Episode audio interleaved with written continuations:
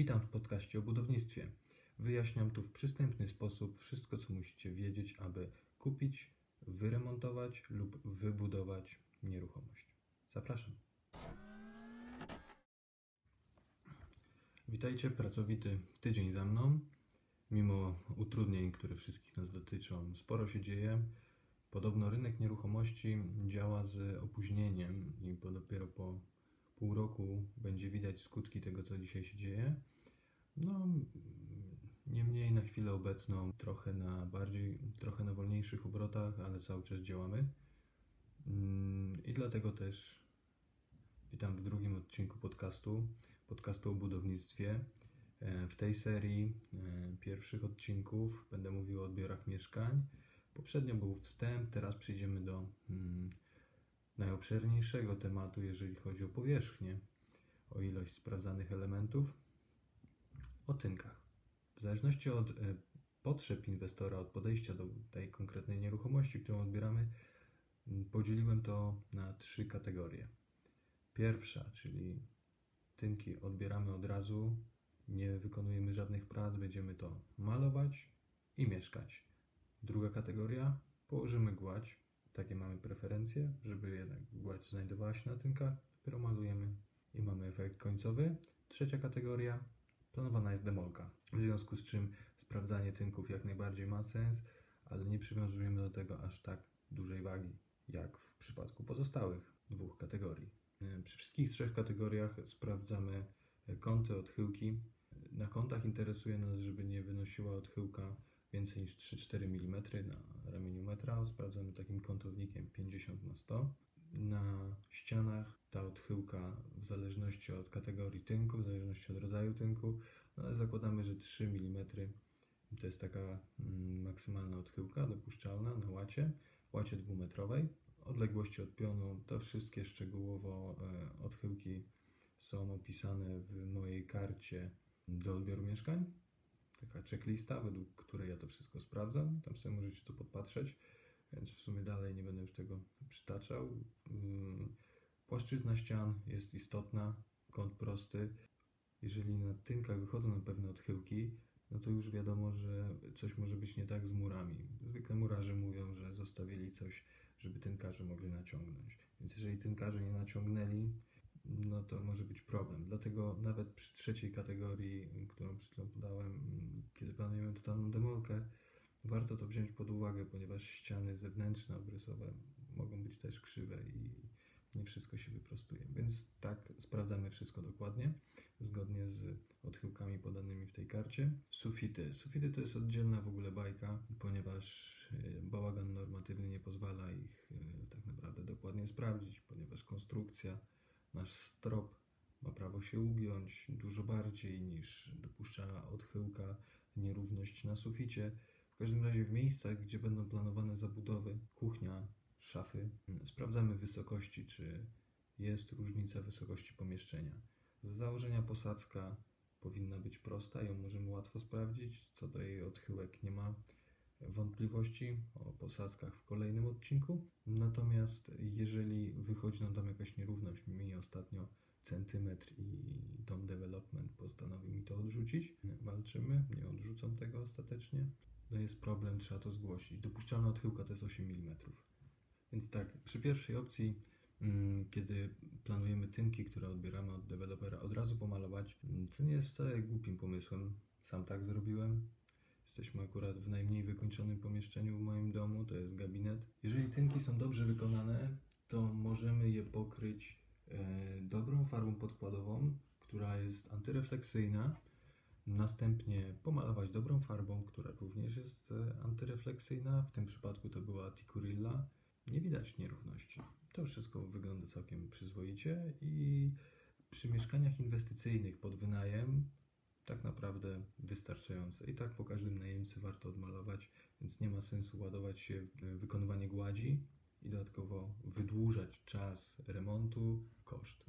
A tak to wystarczy pomalować i mieszkać albo wynajmować. Wtedy też e, zwracamy uwagę na wszystkie niedoskonałości. Drobne ubytki, gdzieś ktoś mógł e, uderzyć przy montażu okien, przy wnoszeniu, wynoszeniu jakichś elementów Em, No i takie ubytki się zgłasza i są do mm, zaszpachlowania. Gdzie szukać takich e, najczęstszych błędów? To pod kaloryferami. Pod grzejnikami jest podejście do, do nich i ono jest e, zwykle wykonywane po wykonaniu tynków. I później, jak trzeba zakryć rury, e, zatynkować, to te miejsca zwykle są źle wyszlifowane. No, rysy. Na rysy trzeba zwrócić uwagę. Rysy będą się pojawiać jeszcze długo po tym, jak zakończycie remont. Przez kilka lat mogą pojawić się rysy. Mm, Deweloper, jeżeli nie wykonaliście żadnych prac, na przykład gładzi, niestety, często przy wykonaniu gładzi odmawiają naprawy rys. Ponieważ była jakaś ingerencja w ścianę, nie wiedzą dlaczego. Nie można stwierdzić jednoznacznie, że to nie zostało wykonane poprawnie. Jeżeli chodzi o koszty, ekipy liczą, że przy pracach e, w mieszkaniach deweloperskich koszt robocizny za takie standardowe prace, posadzka, malowanie, mm, łazienka, kafle w kuchni, to jest połowa cen, połowa metrażu. Czyli jeżeli mamy mieszkanie 50 metrów, to zapłacimy 25 tysięcy za ekipę, za przeprowadzenie tych wszystkich prac. Pierwsza opcja, odbieranie mm, tynków bardzo solidnie, bardzo dokładnie, trzepienie się każdej dziurki, e, żeby deweloper to naprawił. Oczywiście, jeżeli on to ma naprawiać przez 30 dni, bo taki ma e, termin ustawowo, a może go nawet wydłużyć, na przykład w takich sytuacjach jak mamy teraz, pandemia, może powiedzieć, że siła wyższa może go wydłużyć i oddawać nam mieszkanie bardzo długo, a naprawa takich drobnych usterek to jest chwila moment. Oczywiście, jeżeli są rysy, niech on je naprawi. Nigdy nie wiadomo, co siedzi za tą rysą. Zwykle to jest połączenie dwóch materiałów, żelbet, mur i w tym miejscu pojawia się rysa, ale czasami są to niezrozumiałe przypadki. Na przykład jak jest taka rysa schodkowa, to wiadomo, że ona idzie po obrysie y, cegieł. W związku z czym, jak się patrzy na wykonywane budynki, to czasami są one tak schodkowo budowane, te ściany, jest przerwa. I dopiero za dwa dni jest znowu murowane. Jest to związane z tym, że nie można budować e, zbyt wysokich ścian naraz, zbyt dużej ilości warstw, żeby e, ściana nam się nie gubiła płaszczyzny.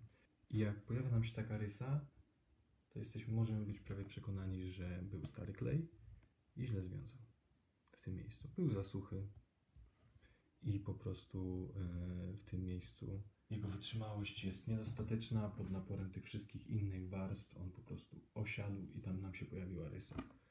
Jedna z możliwości oczywiście. No, ale jeżeli mamy rysę, to tego należy ją zgłosić, sfotografować i kazać naprawić. Druga opcja to kiedy mamy gładzie.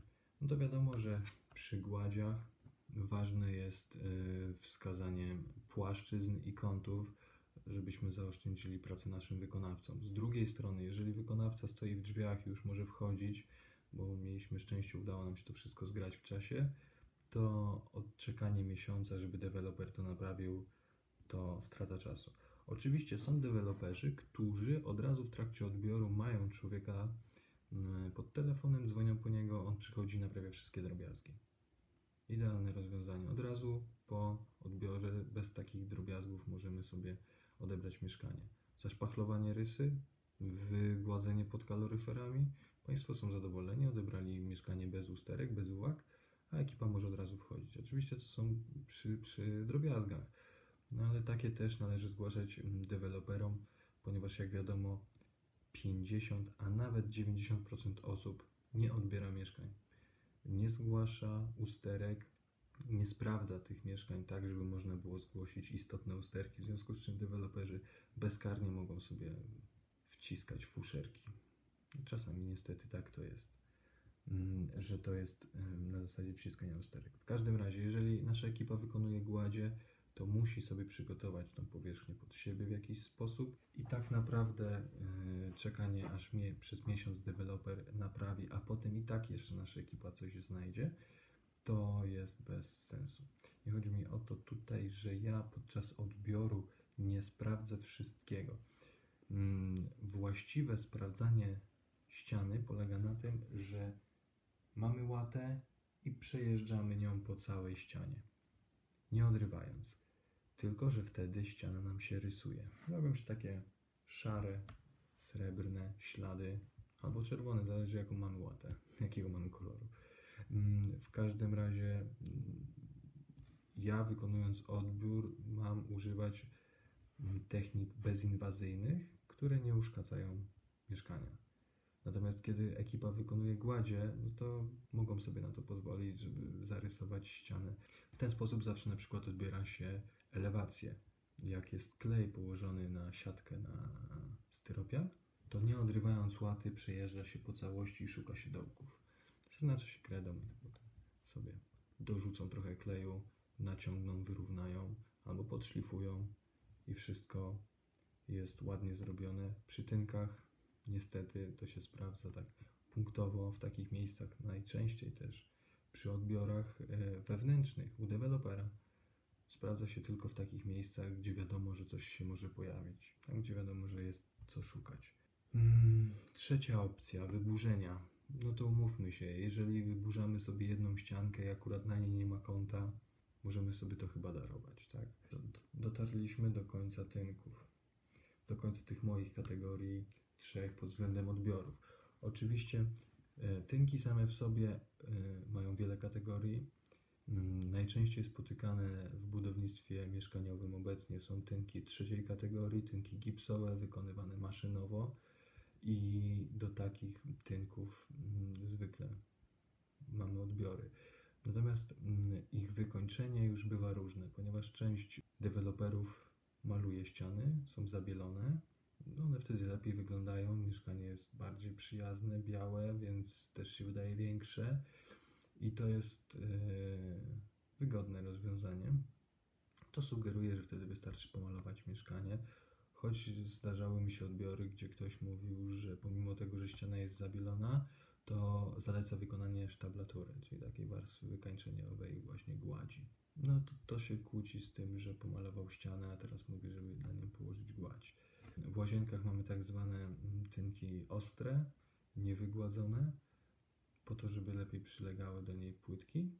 Dla ułatwienia odbiorów, weryfikowania tych wszystkich usterek, stworzyłem listę. Pewnie zamieszczenie jej do pobrania będzie niezgodne z regulaminem YouTube'a, więc e, na końcu wrzucę zdjęcie do tego filmiku i będzie można sobie ją obejrzeć. No i byśmy kończyli. Trochę mi już gorąco tutaj od lamp. Stworzyłem sobie takie małe studio. Mam nadzieję, że jakość tego podcastu y, jest widocznie lepsza od poprzedniego. Będę się starał z biegiem czasu tutaj na każdy kolejny, żeby był ciekawszy, lepszy jakościowo. Jeżeli chodzi o merytorykę, no to temat jak temat. Mówimy o budownictwie, o odbiorach mieszkań. Staram się mówić w miarę przystępnym językiem, tak żeby wszyscy zrozumieli. Jeżeli mnie nie rozumiecie, dajcie znać. Będę wyjaśniał w komentarzach. Dogram drugi odcinek, skasuję ten. Jeżeli będzie beznadziejny, nie skasuję. Nie może być beznadziejny. Mm. Oczywiście na samym początku zapomniałem powiedzieć, żebyście subskrybowali, rozstawiali komentarze, dawali łapki w górę. Większość ludzi nie ogląda do końca filmików na YouTube według statystyk, w związku z czym mm, przepadła moja ogromna szansa na zdobycie stałej widowni, ponieważ jeżeli nie zasubskrybujesz, to bardzo łatwo możesz zapomnieć nazwę tego kanału. Podcast o budownictwie. Wiktor Hałabiś, tak się nazywam, inżynier budownictwa. No i mój cotygodniowy podcast może do Ciebie nie trafić. Więc zasubskrybuj. Z czasem pojawią się kolejne filmiki co tydzień w czwartek. Zapraszam. Pozdrawiam.